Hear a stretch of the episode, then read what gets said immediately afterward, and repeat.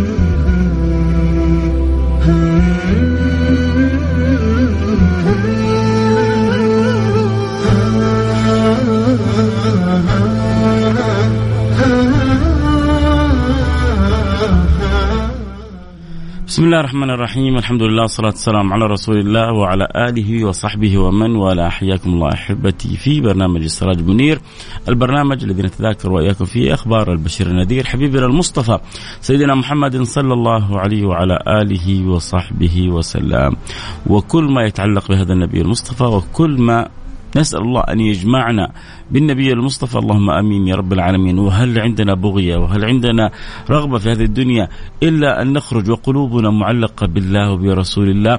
هنيئا لقلوب تدرك هذا المعنى ف تحرص كل الحرص أن يكون نصيبها من الدنيا أن تخرج وربها راضي عنها وقلوبها متعلقة بالنبي المصطفى.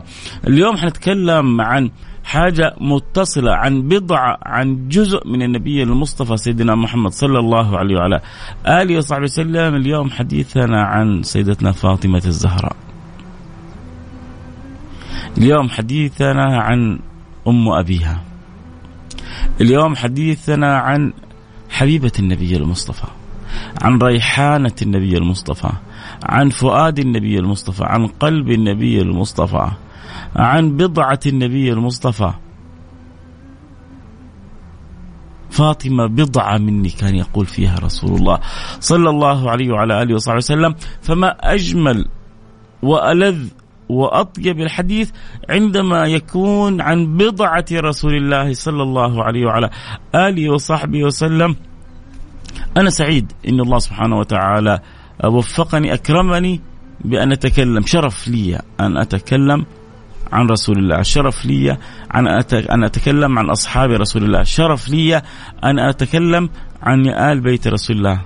شرف لي أن أتكلم عن سيدة نساء العالمين.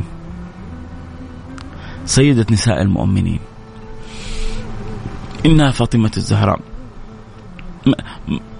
يعجز اللسان. حقيقة يعجز اللسان أن يصف جمال وحلاوة وطيبة وصدق سيدتنا فاطمة الزهراء يعجز اللسان أن يصف شأن المحبة التي كانت بينها وبين رسول الله حتى كان يناديها رسول الله بأم أبيها. هي هي بنته ولكنها كانت له كأمه.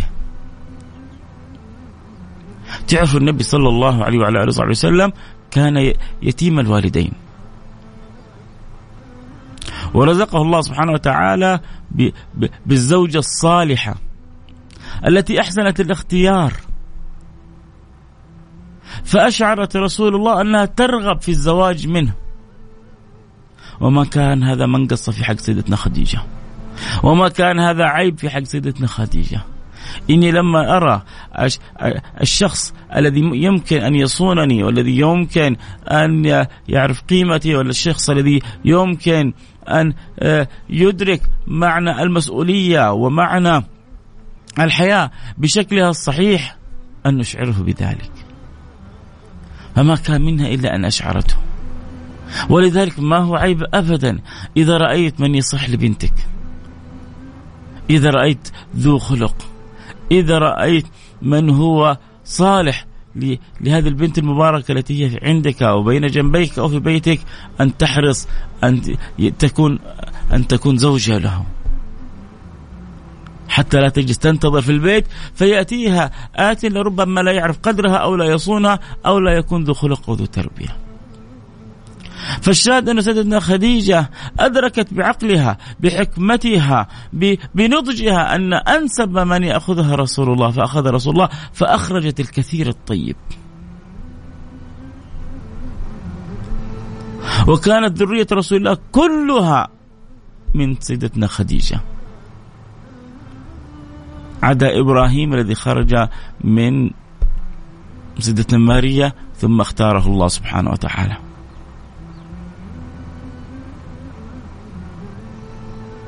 فأم كلثوم وزينب و و ورقية وسيدنا فاطمة وعبد الله والقاسم الطيب. كلهم خرجوا من بطن أمنا خديجة.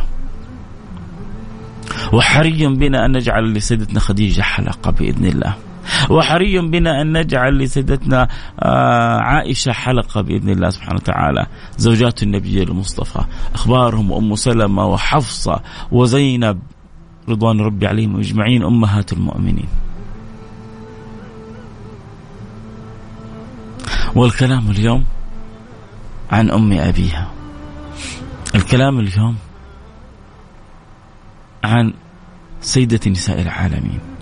الكلام اليوم عن من قال فيها نبينا المصطفى يغضبني ما يغضبها ويرضيني ما يرضيها.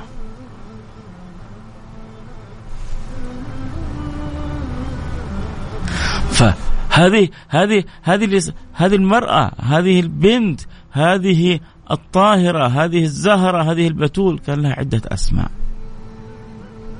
ومن أشهرها ومن أشهر أسماء سيدنا فاطمة أنها كانت تنادى أو تلقب بالزهراء وكانت تلقب بالزكية وكانت تلقب بالبتول.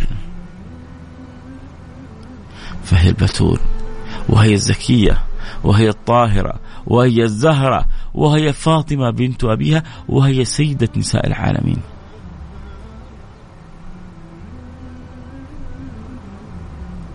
ولذلك جاء في الحديث أن سيدة النساء يوم القيامة كمل من النساء أربعة من؟ هذا بنص حديث سيد رسول الله صلى الله عليه وعلى آله وصحبه وسلم عندما ذكر سيدتنا فاطمة عندما جاء في ذكر المناقب على الإطلاق في الحديث الصحيح المروي في مسند الإمام أحمد أفضل نساء أهل الجنة. في رواية كمل من النساء أربعة. في عدة روايات. رواية الإمام أحمد أفضل نساء أهل الجنة. خديجة بنت خويلد وفاطمة بنت محمد وآسيا بنت مزاحم ومريم بنت عمران.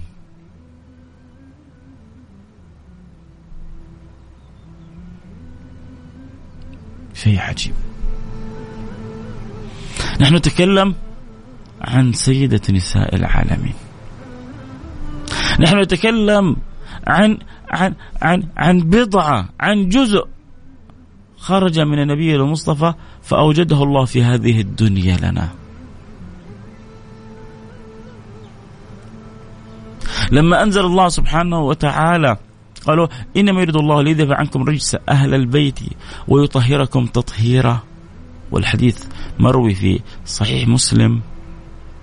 كانت عند النبي قطيفة فأدخل تحتها سيدتنا فاطمة وأدخل تحتها الحسن والحسين وأدخل تحتها علي. وفي رواية كان نائم بجوارهم فقال اللهم إن, إن هؤلاء هم أهل بيتي.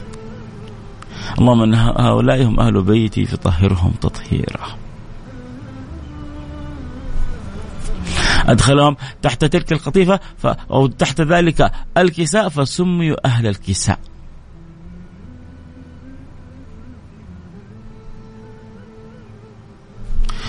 والحديث مروي في صحيح مسلم وعن من؟ عن سدتنا عائشة.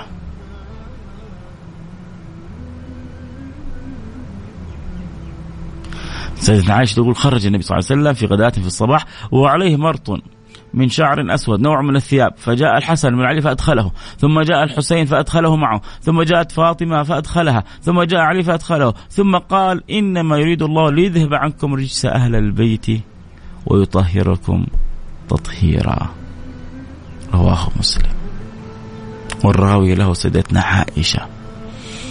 تلك آه، المرأة التي حوت العلوم كلها. تأخذون تأخذون ثلث دينكم من هذه الحميراء من شدة جمالها وبياضها المشرب بحمرة. سيدتنا عائشة رضوان ربي عليهم أجمعين.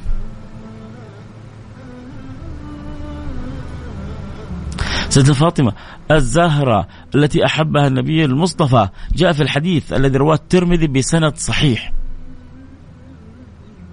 رواه الترمذي بسند صحيح. عن حذيفة بن اليمان.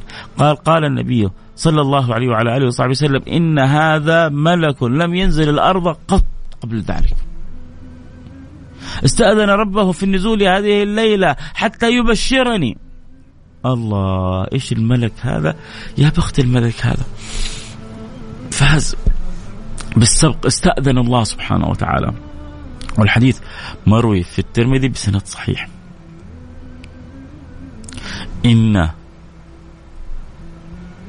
هذا الملك استأذن الله أن ينزل إلى الأرض ولم ينزل قبل ذلك قط حتى يبشرني بأن فاطمة سيدة نساء أهل الجنة وأن الحسن والحسين سيدا شباب أهل الجنة.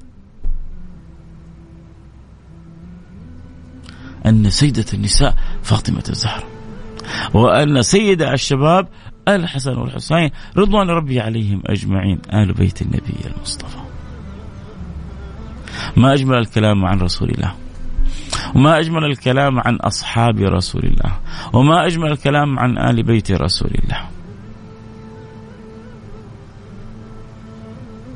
وهذه هذه الميزة التي تميز بها أهل السنة أنهم أصحاب رسول الله في عين وآل بيت رسول الله في عين.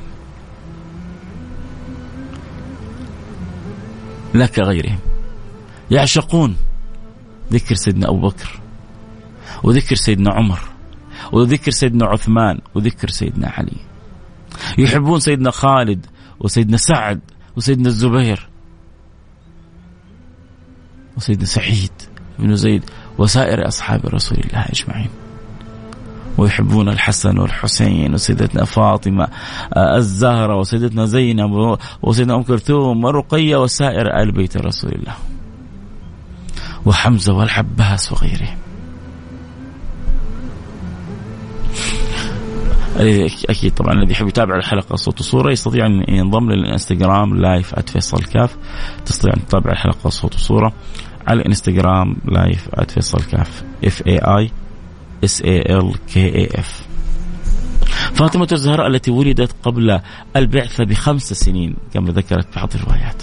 وتزوجت من سيدنا علي بعد الهجرة بسنتين بعد غزوة بدر وبعضهم قالوا بعد غزوة أحد. وأنجبت خمس من الأولاد. أنجبت الحسن والحسين ومحسن أو محسن وأنجبت أم كلثوم وأنجبت زينب. وأما أم كلثوم فتزوجها سيدنا عمر بن الخطاب. وأما سيدتنا زينب فتزوجها عبد الله بن جعفر بن أبي طالب. وعبد الله بن جعفر بن أبي طالب ابن عمها. أنجب منها عونا وعلي. وسيدنا عمر بن الخطاب أنجب من أم كلثوم زيد. وسيدنا عمر بن الخطاب عندما خطب أم كلثوم ما, ما لا, لحاجة في النساء. ولكنه سمع أن رسول الله صلى الله عليه وعلى آله وصحبه وسلم كان يقول كل سبب ونسب منقطع يوم القيامة إلا السبب ونسبي. قال فأردت أن أرتبط بذلك السبب والنسب. أحب أن يكون له صلة وأخذ من هذه الدوحة المباركة فحرص على أن يتزوج من هذا البيت الطاهر الطيب المبارك فتزوج أم كلثوم. بنت سيدنا علي. حتى يدرك الدارك كيف كانت العلاقة والحب بينهم. كيف كانوا متواصلين مع بعضهم البعض. فلا نسمح لا لأفكار ولا ولا للدسائس تدخل وتفرق. بين الصحابة هذا كذا وهذا كذا هذا يحب وهذا لا يحب. ها ها تأتي لنا بعض الأخبار من هنا وهناك تخالف حقائق الصلة اللي كانت بين الصحب الكرام أحباب النبي المصطفى. العظام رضوان ربي عليهم أجمعين. وها هو سيدنا علي يزوج بنته لسيدنا عمر بن الخطاب.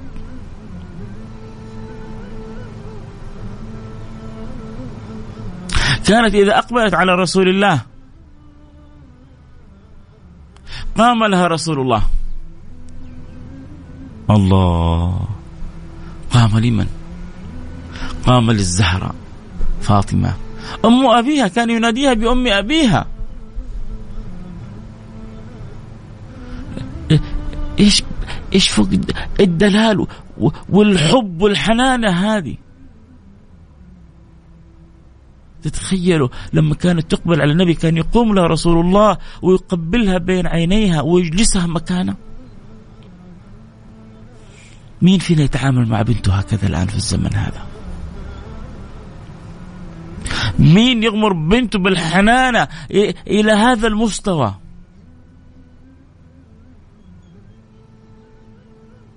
مين فينا إذا جاءت بنته قام لها وقبلها بين عينيها؟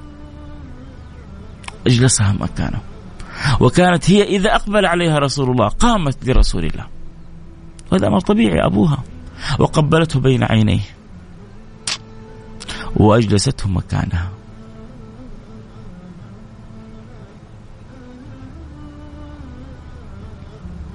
فاطمة بضعة مني.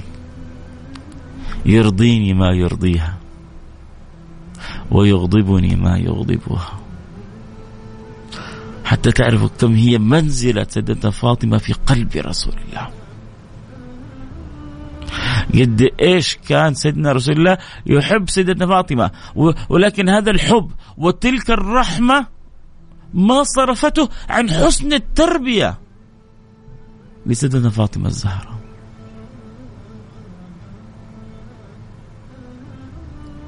كان يحبها حب جم جم جم جم جم جم فوق الوصف. وكان يسارها بما لا يسار به غيرها. وكانت بينهم من الأسرار ما لا تدركها حتى زوجات النبي المصطفى. ويوم من الأيام صار سيدتنا فاطمة وكلمها بكلام. حتى بكت سيدتنا فاطمة وسال الدمع من عينها. واشتد البكاء عليها.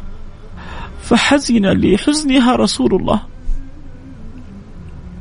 ما الذي جرى بينهم؟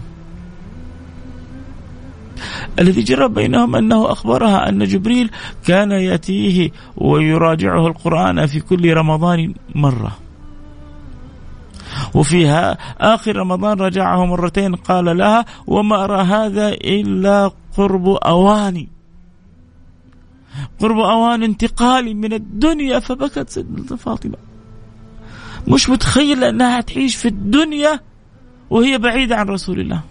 مو متخيلة أنها حتعيش في الدنيا وهي ما تصبح تمسي وترى رسول الله. يا جماعة أنتم مش متخيلين اللحظة. سيدنا ثوبان وهو ثوبان مش مش فاطمة مش عائشة مش مش اللي اللي اللي طول وقتهم مع النبي. سيدنا ثوبان مولى خادم لرسول الله. لما تفكر في المسألة هذه تحب. قال يا رسول الله ما قالوا النبي أبيك وجعا بك مرض يا ثوبان وجهك أصفر. بك وجعا بك مرض يا ثوبان قال لا ذا ولا ذاك بي يا رسول الله لكني تفكرت. قلت أنا في الدنيا أصبح وأمسي وأنا أراك. ويوم القيامة إن أدخلنا الله الجنة كنت أنت في أعلاها وكنت أنا في أسفلها. فذاك الذي بي يا رسول الله. فالأمر ما هو سهل على سيدنا فاطمة لما النبي يقول له يعني أحيانا في لما تحب أحد ما تتخيل في لحظة من اللحظات إنه هذا اللي تحبه هذا اللي تعشقه هذا اللي أنت تتنفس هواه هذا اللي أنت تشعر إنك أنت عايش في في في الوجود بحبه بالصلة به بالارتباط به بالتعلق به. هذا الجمال الكامل في يوم من الأيام حيروح منك. في لحظة من اللحظات ما حتشوفه. اللحظة صعبة على سيدنا فاطمة. بكت بكى شديد. حزن لحزنها رسول الله. فسارها مرة ثانية. فلما سارها مرة ثانية تبسمت. واختلطت الحزن وتحول الحزن إلى ابتسامة واختلطت الابتسامة بالفرح. الله. إيش إيش هذا الامر وسيدنا عائشة ترى هذه الصورة. سيدنا عائشة كأن في حياتها ما رات خلط حزن اختلط بفرح بمثل ما راته في سيدتنا فاطمة. قبل شوية تبكي والآن سعيدة. إيش الخبر؟ قالت لها ما الخبر يا فاطمة؟ قالت ما كنت لأبيح أو لأبوح بسر أسره لي رسول الله. لكن شوف طبيعة النساء ما ينسوا. لما مات النبي سيدنا محمد صلى الله عليه وعلى آله وصحبه وسلم لما ربي اختار سيدي رسول الله صلى الله عليه وعلى صحبه وسلم رجعت لها سيدتنا عائشة وقالت لها بما لي من حق عليك وهي عمتها. لها حق عليها؟ كيف ما لها حق عليها؟ قالت بما لي من حق عليك. إلا ما أبحت لي بما كان بينك وبين رسول الله. شوفوا كيف؟ يعني عدة فترة. ولسه سيدتنا عائشة جالسة تفكر. إيش إيش السر اللي بين سيدتنا فاطمة وبين آآ آه، آآ آه، والدها وأبوها وحبيبها رسول الله؟ ما السر الذي بينها وبين أبيها؟ قالت لها بما لي من حق عليك إلا ما قلت لي. قالت أما الآن فأقول لك. خلاص ما انتقل رسول الله قالت لقد اخبرني اخبرتها بالقصة كلها. إن أخبرها في الأولى بأنه قرب أوان انتقاله. فبكت. فلما بكت ورثها رسول الله بشرها. وقال ألا ترضين أن تكوني سيدة نساء العالمين؟ وأنك أول أهلي لحوقا بي آه. أنا يعني أول وحدة حكون أسرع وحدة حكون لحوق بك يا رسول الله خلاص. أصلا الدنيا كلها ما هي في قلبها. الدنيا كلها ما لها وجود في قلبها. إحنا تعبنا بسبب تعلقنا بالدنيا. أخذتنا الدنيا حتى صرفتنا عن أجمل ما في هذا الوجود. كان يقول سيدنا الحسن البصري مساكين أهل الدنيا خرجوا منها وما ذاقوا أطيب ما فيها. قيل وما أطيب ما فيها يا بصري؟ قال معرفة الله. ناس كثير دخلوا الدنيا وخرجوا منها وما ذاقوا شيء ولا نصيب من شؤون المعرفة ولا من حلاوات المعرفة لله ولا من ذوق المعرفة بالله.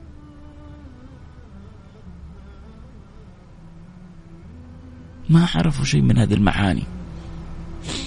ما عرفوا حلاوة الأنس بالله ولا بذكر الله ولا بالصلاة على رسول الله. مساكين. مساكين. ستنا فاطمة النبي يقول أنت أول أهلي لحوقا بي يعني أنت حتموتي قريب. الواحد لو قلنا له أنت حتموت قريب ربما يحزن. لسه ما سويت ولا اشتريت ولا عملت ولا فعلت ولا ولا ولا ولا سافرت ولا رحت ولا. وهذه فريحة. لأنه مفهومنا في الدنيا غير مفهومهم. ما هو سيدنا فاطمة تبغى تأكد المعنى هذا؟ لما في لحظات سكرات الموت عند بين يدي رسول الله لما تغشاه ما تغشاه من التعب وال وال والمرض. وكانت سيدتنا فاطمة تتردد على سيد رسول الله فكانت فكانت تقول وكرباه وكرباه فكان يقول لا سيد رسول الله لا كرب على أبيك بعد اليوم الكرب كان في الدنيا. لا كرب على أبيك بعد اليوم مين قال لك إنه هو كربة؟ ربما هو كربة على على الذين فقدوا رسول الله صحيح لكن لكن هؤلاء ما ما يرون كرب يرونها جنة معجلة لهم لما يتركوا الدنيا، الدنيا سجن المؤمن، النبي يقول الدنيا سجن المؤمن. الدنيا سجن المؤمن. شفتوا صور الانبساط والنعم؟ هل أنتم أنتم في سجن عند المخبأ لكم عند الله؟ إحنا في سجن عند المخبأ لنا عند الله تعالى في علاه كانوا يفهموا النبي واصحابه الكلام هذا.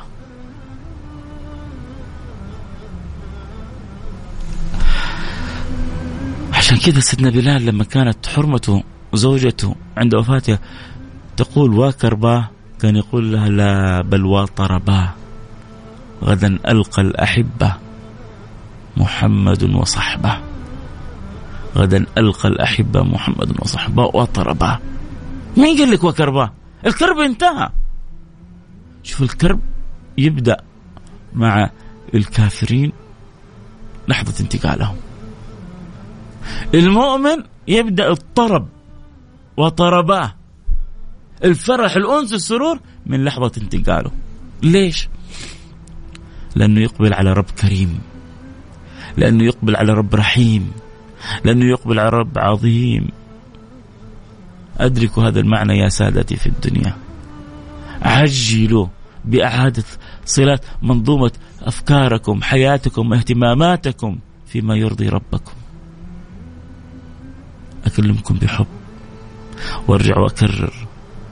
وأقول أصبحنا في أزمان قل فيها التناصح في الله. فإذا جاءك من يذكرك جاء من ينبهك جاءك من يحفزك احرص على الكلام هذا. ابحث عن معاني الصلة بالله برسوله اجعل همك في الدنيا كيف تخرج من الدنيا وربي راضي عنك. اجعل اهتمامك كيف تخرج من هذه الدنيا وانت صاحب حسن خاتمة. ألح على الله أن يجعل آخر كلامك من الدنيا لا إله إلا الله. طبعا اللي يحب يتابع الحلقة أكيد صوت وصورة يستطيع انضموا على الانستغرام لايف @فيصل كاف. F A I S A L K A F F A I S A L K A F تستطيع أن تنضم تتابع الحلقة صوت وصوره وتقدر تخبر أصحابك أحبابك يكونوا معنا على السمع. ياخذوا لهم نصيب من سيرة سيدتنا فاطمة الزهراء نحتاج أولادنا نحتاج بناتنا بالأخص يسمعوا لهذه السيرة العطرة. هذه السيرة اللي لو لو, لو عملنا فيها برامج ما وفيناها حقها. فاطمة الزهرة أم أبيها. حبيبة النبي المصطفى. النبي كان تذكر بعض بعض بعض الأخبار أنه النبي صلى الله عليه وسلم كان إذا أقبل من سفر قبل أن يذهب إلى بيته كان يقوم بأمرين. أول أمر أنه كان يصلي ركعتين في في في في, في مسجد رسول الله. كان إذا قدم من سفر صلى ركعتين في, المسجد. ثم زار بنته فاطمة قبل أن يذهب إلى بيته. زار بنته فاطمة قبل أن يذهب إلى بيته. لأن لأنه له قلب محلق ببنته. له قلب كله رحمة فيطمئن على حال بنته. له قلب يدرك كم قلب سيدنا فاطمة يتفطر شوق لرسول الله عندما يسافر ويغادر رسول الله صلى الله عليه, صلى الله عليه وعلى آله وصحبه وسلم. وكأن رسول الله يقول لأهل ذلك الزمان بابكم إلي فاطمة الزهراء.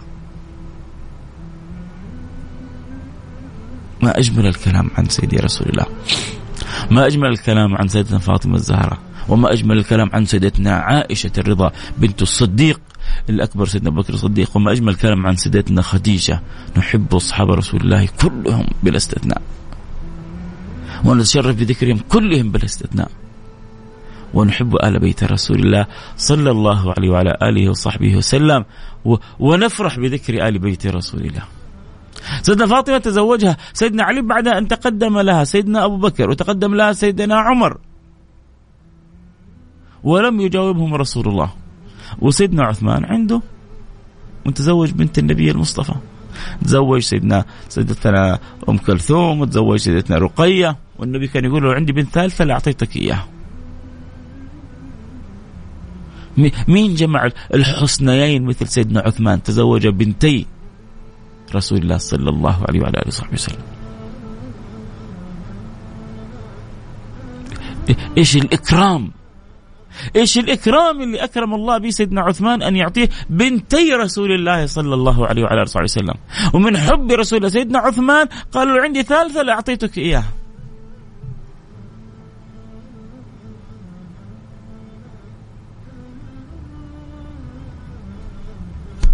وتزوج سيدنا علي بعد أن سكت رسول الله عندما تقدم سيدنا أبو بكر وسكت رسول الله عندما تقدم سيدنا عمر ففهموا أن سيدنا رسول الله يريد لها علي.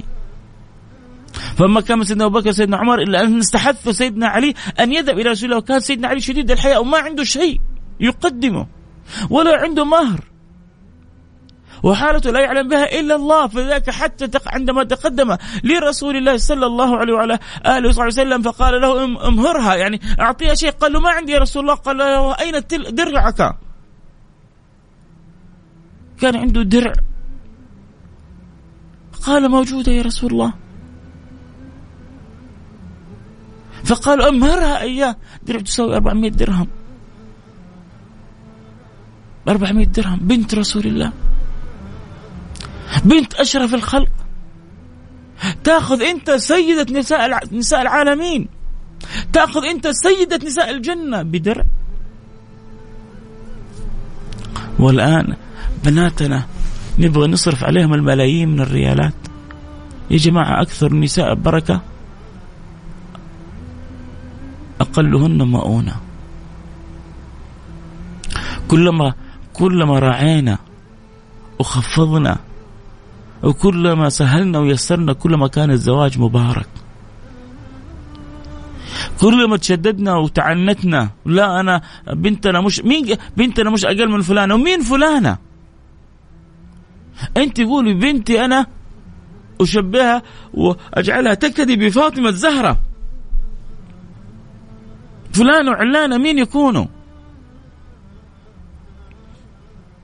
خلي خلي بنتك قدوتها فاطمة الزهرة. وفاطمه الزهرة ما نقص من قدرها شيء إنه كان مهرها درع. بالكاد أن يساوي 400 درهم.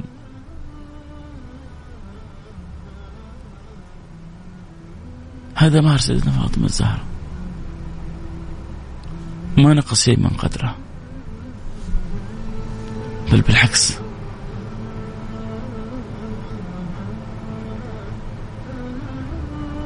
على شأنها وزاد في كل يوم قدرها عند الله. بكل طاعة بكل امتثال بكل استجابة لرسول الله. يا علي أين درعك الحطمية؟ قال هي عندي. قال فأعطها إياها. حديث صحيح رواه النسائي بسند صحيح. ولما راحت سدة فاطمة عند سيدنا علي سيدنا علي يذكر الحديث هذا اللي رواه الإمام أحمد في مسنده بسند حسن. يقول سيدنا علي بن أبي طالب لما زوجها رسول الله صلى الله عليه وعلى آله وصحبه وسلم بعث معها بخميلة قطعة من القطيفة ووسادة من أدم حشوها ليف وسادة مخدة ورحيين عشان تطبخ بيهم وسقاء وجرتين. رحيين وسقاء وجرتين ووسادة وخميلة قطعة من من قطيفة. ها ها هذا الجهاز اللي جهزها النبي يا بنته عشان تروح لبيت زوجها.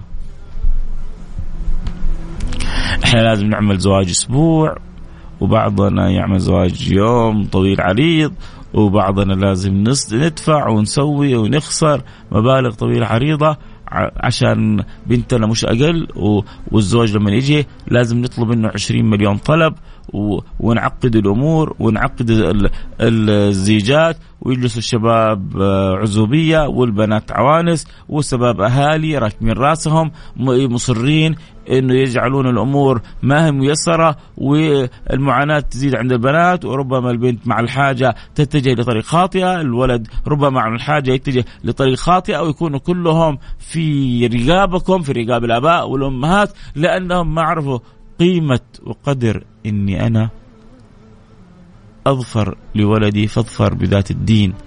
ومن آتاكم من ترضون خلقه ودينه فزوجوه لا ماله ولا تجارته ولا مناصبه المسألة قائمة على أدب وأخلاق. والله لو كان إيش ما كان؟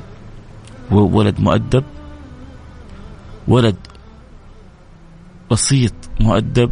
خير لي من ولد غني غير مؤدب لبنتي.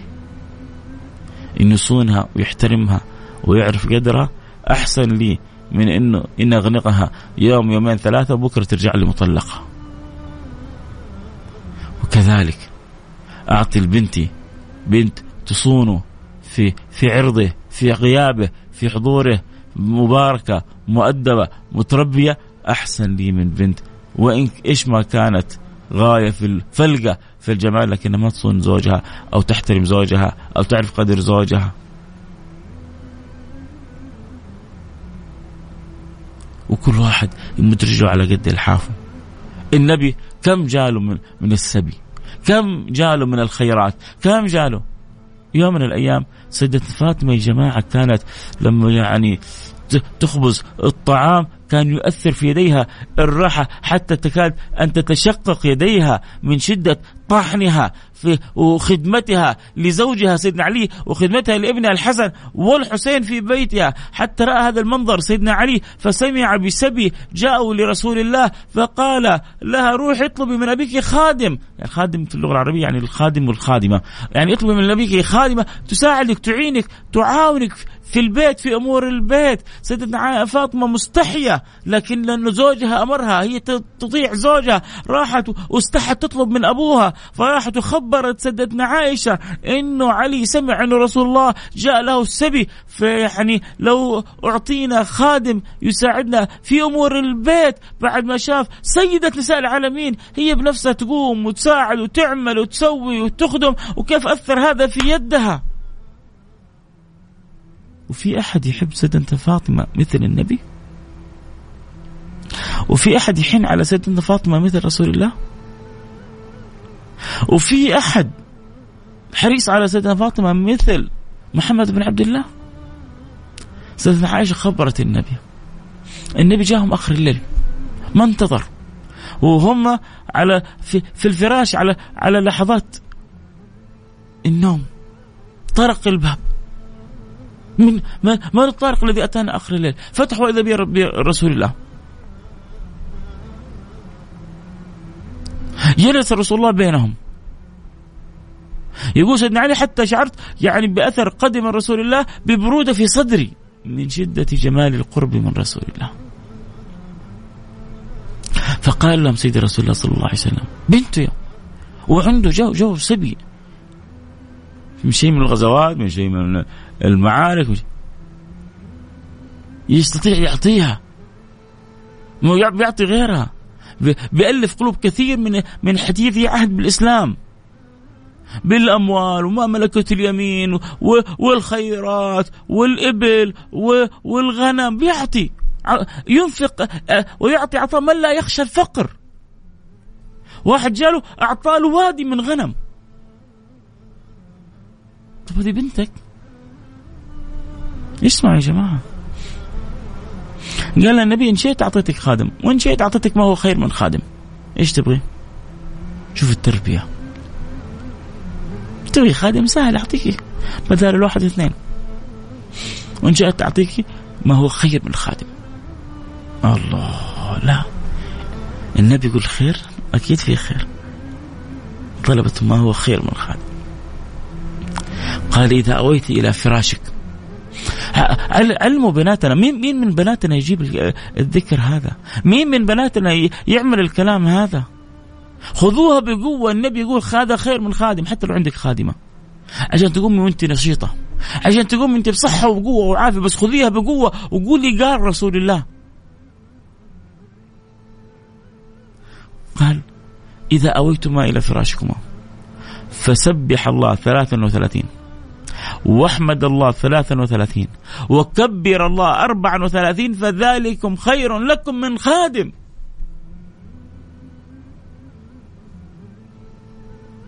هذا خير لكم من الخادم. هذا حيعطيكم قوة فوق قوة الخادم.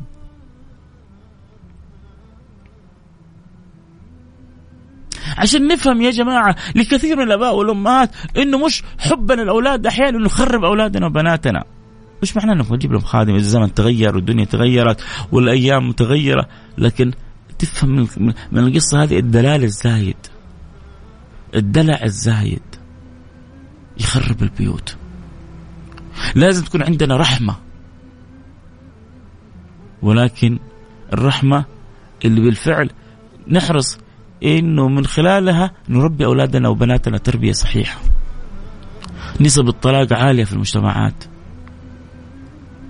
المجتمع العربي صارت النسب فيه مفجعة. يكاد في كل ثلاثة في بعض الدول العربية المسلمة في, في كل ثلاثة يتزوجوا اثنين يطلقوا. في بعض الأوقات وصلت الإحصائيات للدرجة هذه. مش في كل اثنين يتزوجوا واحد يطلق لا. في كل ثلاثة يتزوجوا اثنين يطلقوا يعني نسبة 70% صارت الطلاق في المجتمعات. شيء مفجع. ليه؟ لأنه الأولاد والأمهات فقدوا الاهتمام بشؤون التربية بأولادهم وبناتهم. الأب مشغول في عمله والأم كانت أول مشغولة بالأسواق والآن صارت مشغولة بعملها والأب في عالمه والأم في عالمها والأولاد مع سمياتي وترياتي وناناتي وبواتي وخذ من الطقة هذه. صارت سمياتي هي اللي تربي أولادنا وبناتنا.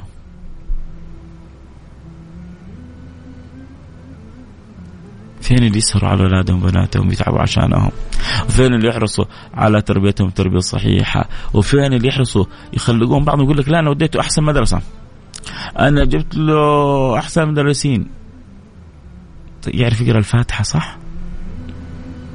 بعض بعض اللي درسوا أولادهم في أغلى المدارس وفي أفخم المعاهد. قرآن ما يعرف يقراه صح. إيش من تربيه ربيته إياها؟ اللغة العربية ما يعرف ينطقها صح. إيش من تعليم علمته إياه؟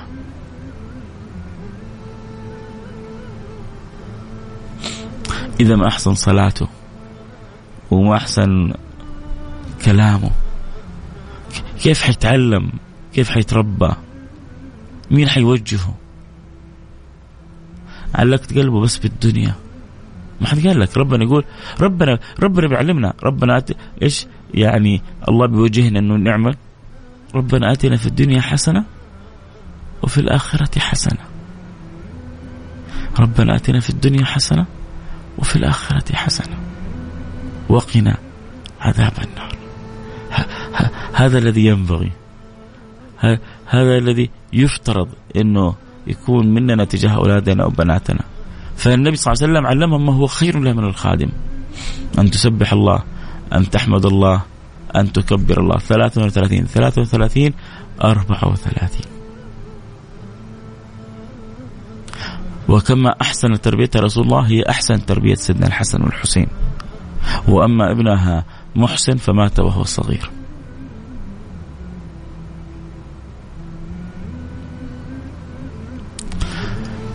لما دفن رسول الله سيدنا فاطمة. كباقي الصحابة كادت أن تفقد عقلها. حتى كانت تقول ما على من شم تربة أحمد ألا يشم مدى الزمان غواليا. اسمع اسمع البيت الثاني. لقد صبت علي مصائب. لو أنها صبت على الأيام عدنا لياليا. لقد صبت علي مصائب لو أنهن صبت على الأيام عدنا لياليا النهار كيف ينصبغ ب ب بالمصائب فيتحول إلى ليل أسود. هي لما توفى آه توفى الله رسوله لما انتقل سيدي رسول الله صلى الله عليه وسلم لما توفي النبي المصطفى صلى الله عليه وعلى آله وصحبه وسلم قالت إنه المصيبة هذه حولت النهار ليل عندي وبالفعل سيدنا أنس في الحديث الصحيح يقول لما دخل رسول الله صلى الله عليه وعلى آله وسلم المدينة أضاء في المدينة كل شيء. ولما توفى ولما مات رسول الله صلى الله عليه وعلى آله وسلم أظلم في المدينة كل شيء. لما دخل النبي المدينة أضاء في المدينة كل شيء. ولما مات أظلم في المدينة كل شيء. سيدنا أنس إيش يقول؟ يقول حتى يكاد الرجل يخرج يخرج يده من جيبه فلا يراها. من شدة الظلام الحالك اللي يعني أصيب أصابهم ذلك اليوم الواحد يخرج يده من جيبه وما يشوفها. هكذا يروي سيدنا أنس ويصف الحالة اللي كان عليها الصحابة في لحظة وفاة النبي المصطفى. سيدة فاطمة مسكينة. ما على من شم تربة أحمد ألا يشم مدى الزمان غواليا. لقد صبت علي مصائب لو أنها صبت على الأيام عدنا لياليا. ولما رجع لها سيدنا أنس قالت يا سيدنا أنس كيف طابت لكم نفسكم أن تحثوا التراب على رسول الله؟ قال سيدنا أنس فكأنما غيبنا في تلك اللحظة فلم نشعر. ماذا كنا نعمل أو كنا نفعل؟ قال من لطف الله بنا إننا كأننا أنسينا انه نحط التراب على النبي وإلا مين يطيق اللحظة هذه؟ من يستطيع أن يستحمل اللحظة هذه؟ ولكن كأنما غيبوا وهذه إرادة الله. كانت سيدتنا فاطمة من شدة حيائها حاملة هم كيف إنها حتحمل النبي خبرها أنها أول أهلها لحوقا بها وعرفت إن وفاتها قربت. كيف حتحمل وكان في السابق يوضع فوقها قطعة قماش. وصدتنا فاطمة كانت شديدة الحياة أخرج أمام الرجال أمام الناس. وهكذا جسدي باين وعلي فقط قطعة قماش. فقالت لها أسماء بنت عميس إني رأيت في الحبشة وأخذت تصف لها شأن النعش. فكانت أول من عمل لها النعش وصارت سنة بعد ذلك للمرأة أن يوضع عليها النعش كانت سيدتنا فاطمة الزهراء.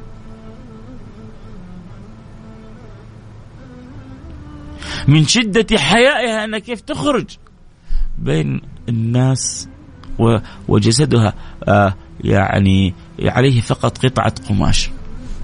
وهي ميتة. وهي ميتة كانت شديدة الحياة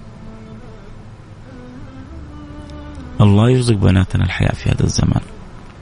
الله يملأ قلوب بناتنا حياء في هذا الزمان. وقلوب وقلوب نحن وقلوب الرجال. الحياء الحياء شعبة من الإيمان. للرجال وللنساء للأولاد وللبنات.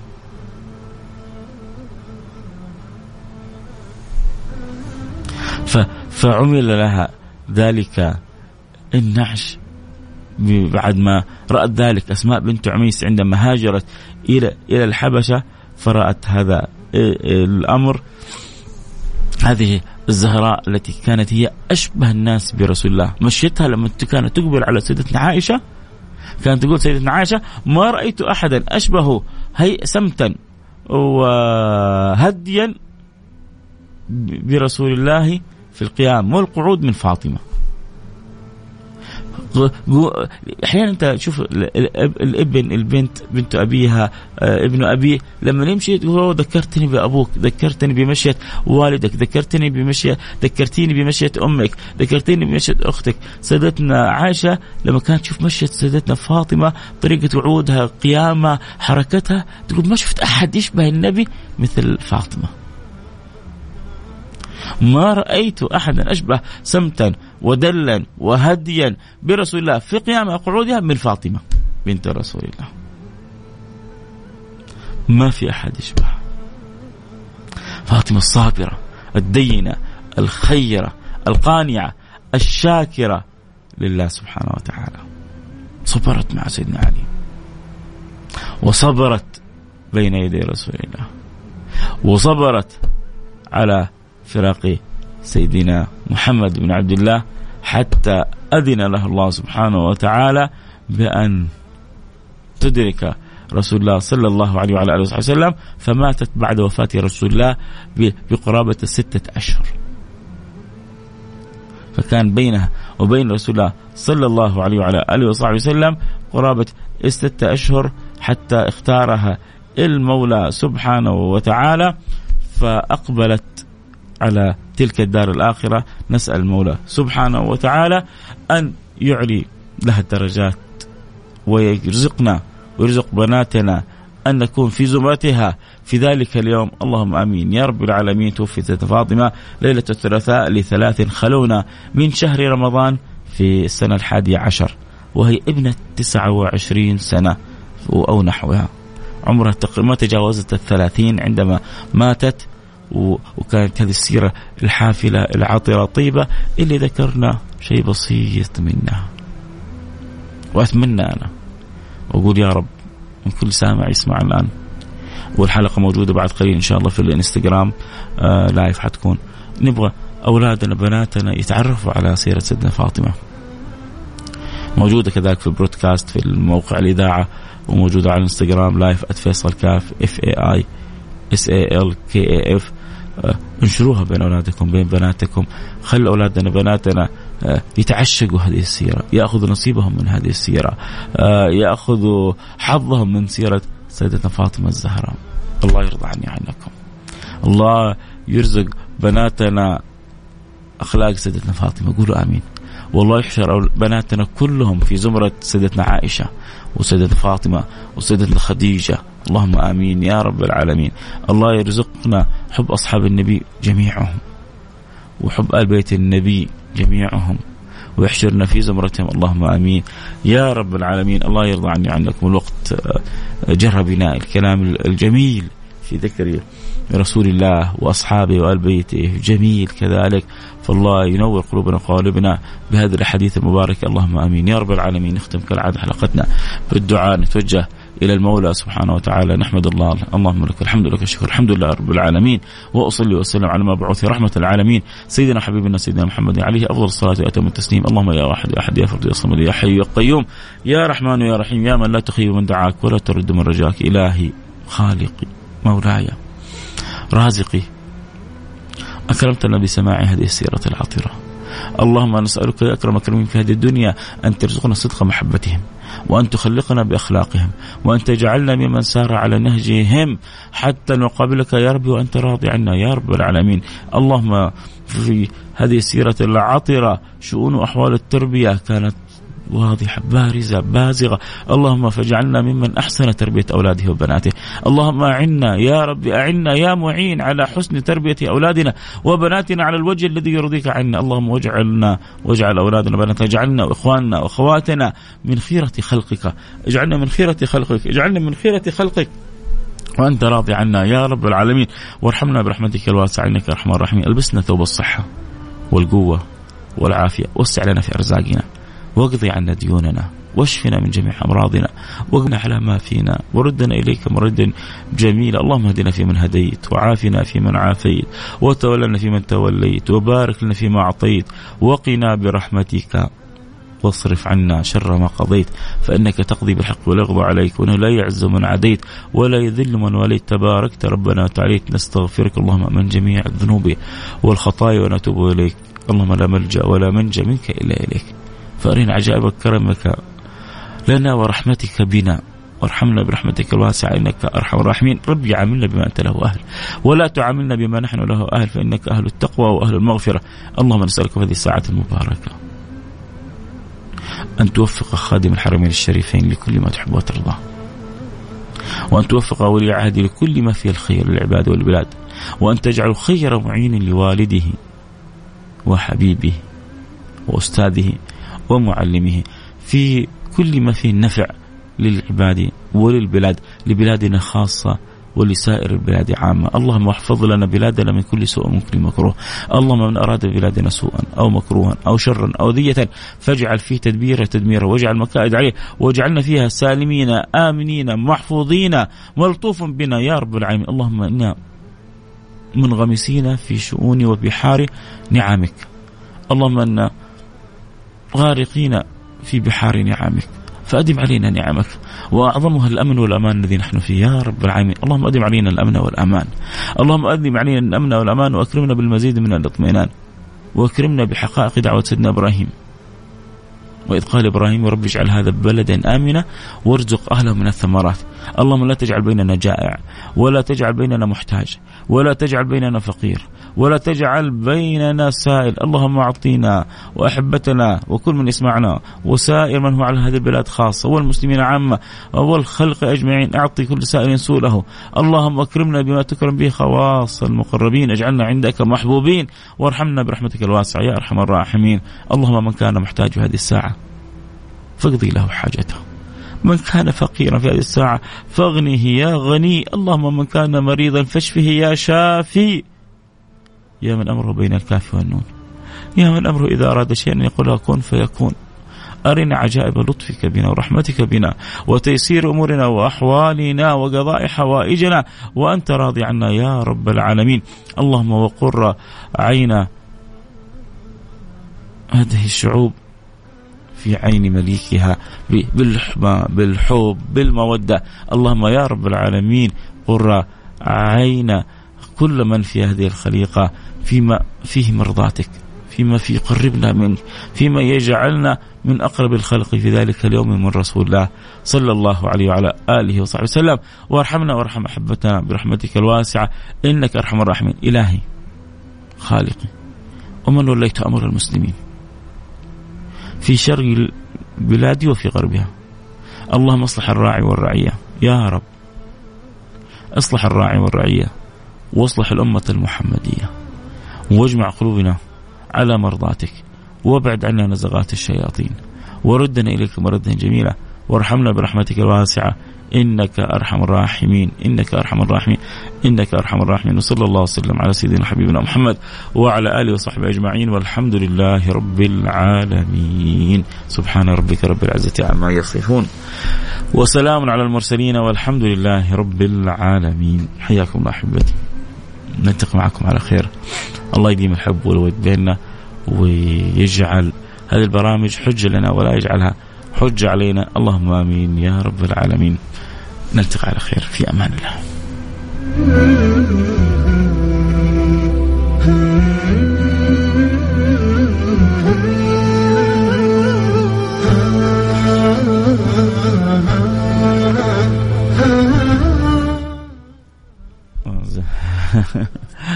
نبغى ننتهي من البرنامج والرسائل متواصله حاضرين. عشان بس ما يزعلوا اللي أرسلوا رسائل نجبر بخاطرهم.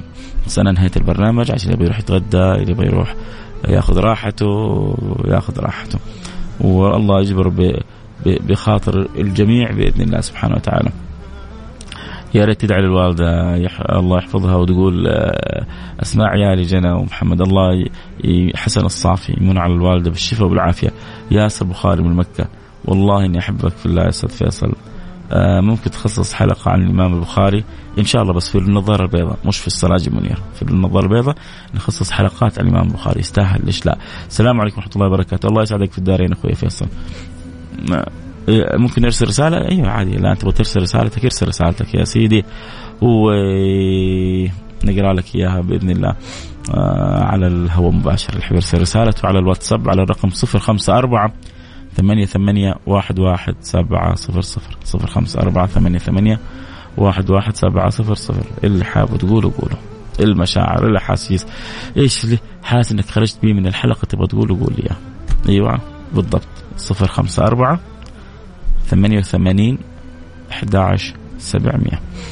آه الله يسعدك. سعادة الدارين أخوي فيصل. أرجو من الله برنامجك يكون باستمرار. من الأحسن أحسن وبالتوفيق.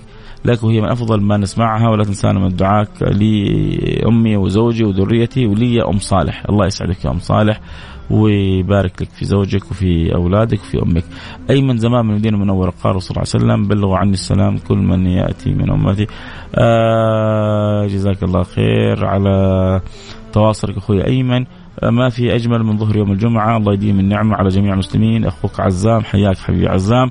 آه، منور عندي البرنامج وسعيد جدا ب آه، استماعك متابعتك للبرنامج. السلام عليكم ورحمة الله وبركاته. كيف حالك؟ عندي استفسار. يعني الأسئلة اللي فيها متعلقة بالفتاوى أظن في مرجع للفتاوى. يعني برنامجنا بعيد تماما عن الفتاوى. آه اللهم السلام عليكم ورحمة الله وبركاته. آه صلاح الدين أحبك أحبك الله الذي أحببتني فيه. آه أخوي فيصل والله أني أحبك في الله. يا ريت تدعي أستاذ سمعين للوالد. الله يمن على والدك بالشفاء وبالعافية. اللهم آمين. ويا رب العالمين يشفي لنا ليان ويشفي لنا آه كل مرضانا ومرضاكم. ومرضى المسلمين نلتقي على خير. كنت معكم أحبكم فيصل كاف إن شاء الله جبرنا آه بخاطر يعني من ارسل رسالته في أمان الله. الأجواء آه يعني تميل للبرودة فالله يحفظنا واولادنا من الزكام من يعني السخونة من الإنفلونزا الحذر أخذ الحيطة. أذكر نفسي أذكركم لا تنسوا قراءة سورة الكهف الصلاة على النبي صلى الله عليه وسلم. الدعاء في ساعة يستجيب الله فيها. الدعاء في هذه الأوقات. نلتقي على خير في أمان الله.